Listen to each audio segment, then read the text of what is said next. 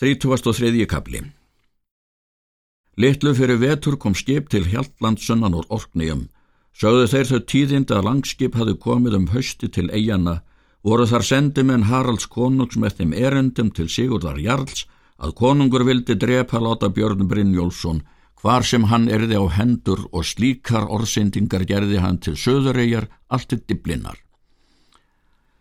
Björn spurði þessi tíðindi og það með að hann var útlagur ger í Noregi. En þegar er hann hafði komið til Hjallands, gerði hann brúðlaup til Þóru, sátu þau um veturinn í Mósejar borg. En þegar um vorið er sjótók að læja, setti Björn fram skip sitt og bjóð sem ákaflegast. En er hann var búin og byr gaf, sildi hann í haf.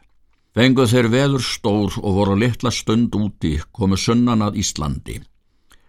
Gekk þá veður á land og bar þá vestur fyrir landið og þá í haf út, en er þeim gaf byr aftur þá sildu þeirra landinu. Engi var svo maður þar innanborðs er verið hefði fyrr á Íslandi. Þeir sildu inn á fjörði eitt förðulega mikinn og bar þá að henni vestri ströndinni, sáðu þar til landsinn ekki ná að bóða eina og hafuleysur, beittu þá sem sverast austur fyrir landir. Allt þess er fjörður varð fyrir þeim og sildu þeir inn eftir fyrðinum, Til þess er lokið var skerjum öllum og brými. Þeir lögðu þar að nesi einu, láð þar ei fyrir utan en söndu júft í milli, festu þar skipið. Vík gekk upp fyrir vestan nesir en upp að víkinni stóð borg mikil. Björn gekk á bátinn og menn með honum. Björn sagði förunötum sínum að þeir skildu varast að segja það ekki frá ferðum sínum er þeim stæði vandræði af því. Þeir björn reru til bæjarins og hittu þar menn að máli. Spurðu þeir þess fyrst hvar þeir voru að landi komnir. Menn sögðu að það héttað borgarfyrði en bærsáir þar var héttað borg en skallagrímur bondin. Björn kannadist brátt við þann og gekk til mótsu skallagrím og tölaust þeir við. Spurði skallagrímur hvað mönnum þeir væru. Björn nefndi sig og föður sinn en Skallagrými var allur kunnuleiki á Brynjólfi og bauð Byrni allan forbeina sinn þann er hann þurfti.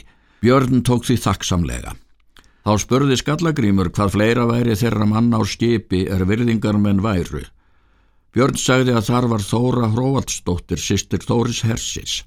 Skallagrímur var við það all gladur og sagði svo að það var skilt og heimilt um sýstur Þóris, fóstbróður síns, að hann gerði slíkan forbeina sem að þurfti að hann hefði fungt til og bauð þeim byrni báðum til sín með alla skipir að sína.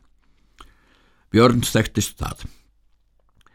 Var þá fluttur farmur af skipinu upp í tún að borg. Settur þeir þar búðir sínar en skipið var leitt upp í læk þannig þar verður en þar er kallað bjarnartöður sem þeir Björn höfðu búðir. Björn og þeir skipverjar allir fóru til vistar með skallagrými Hann hafði aldrei færri menn með sér en sex tegu vígra manna.